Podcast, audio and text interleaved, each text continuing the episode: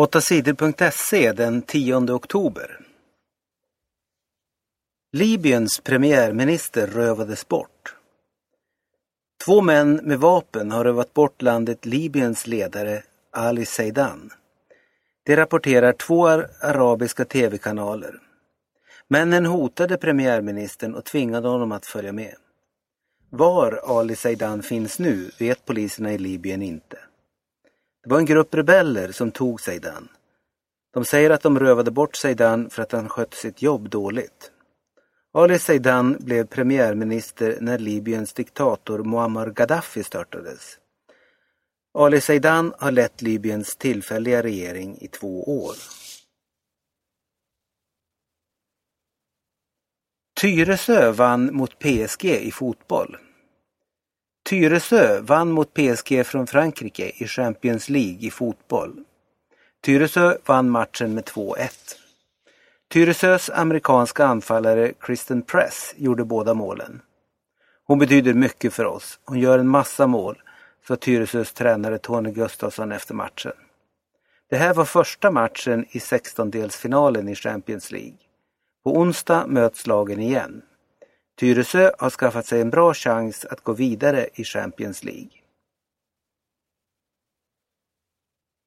Låtsades vara fotograf för att våldta kvinnor. En 49-årig man i Stockholm åtalas för våldtäkt.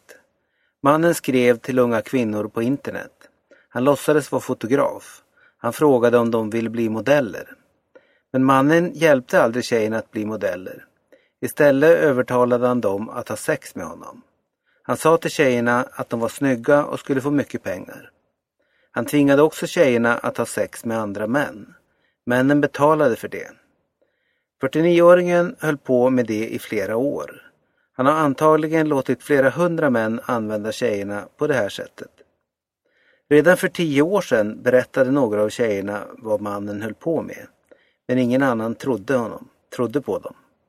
Nu ska det bli rättegång. Då ska tjejerna berätta om vad de varit med om. Det är 13 tjejer som har anmält mannen.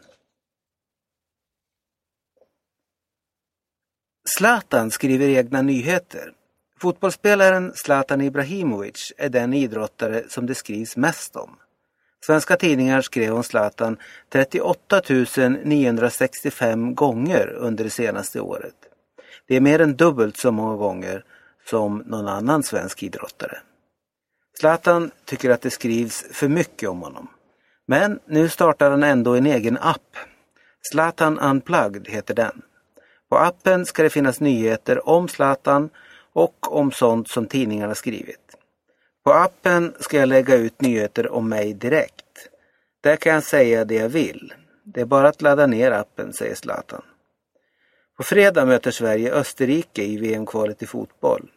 Vad skriver Zlatan på appen efter den matchen? Skriver han om en härlig seger eller en tung förlust? Yellen blir chef för USAs bank. Janet Yellen får ett av världens viktigaste jobb. Hon blir ny chef för USAs riksbank. Det är första gången en kvinna får det jobbet. Chefen för USAs riksbank har mycket makt. Riksbanken bestämmer bland annat räntan i USA. Det är den avgift banker och andra får betala när de lånar pengar.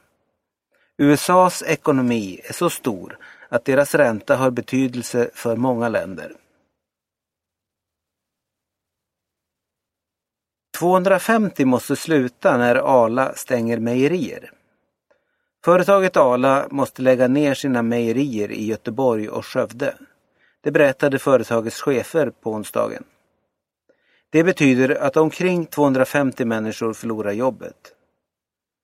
Arla går bra och tjänar pengar.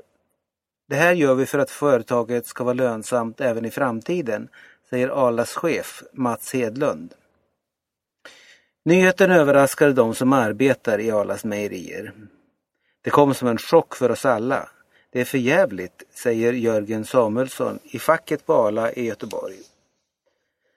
Men på Arlas mejeri i Falkenberg blir det fler jobb. Där ska Arla anställa 60 personer.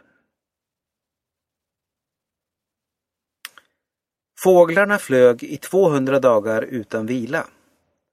Fågeln alpseglare är en hejare på att flyga. Varje år flyger alpseglarna mellan Schweiz och Afrika.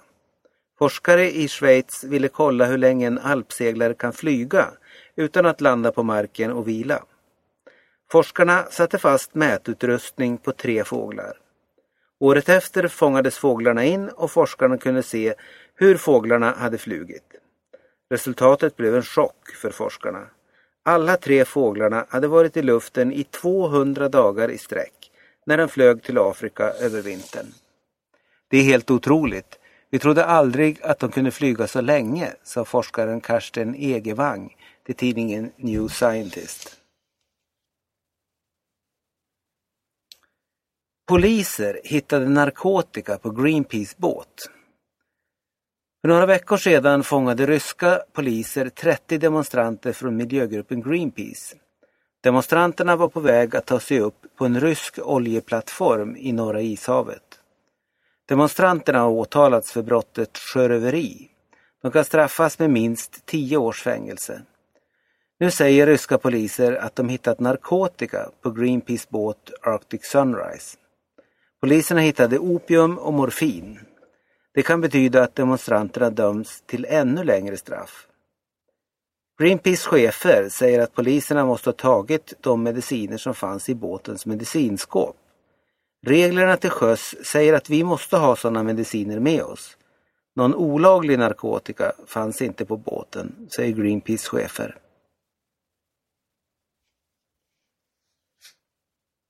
Folkpartiet vill ha hårdare krav för att få bli svensk. Alla som vill bli svenska medborgare måste lära sig hur det svenska samhället fungerar. Därför ska de gå en kurs i samhällskunskap. Det tycker Folkpartiets ledare. Folkpartiets ledare säger att de ska prata om förslaget på Folkpartiets partimöte i november. Folkpartiet har tidigare sagt att alla som ska bli svenska medborgare måste kunna svenska.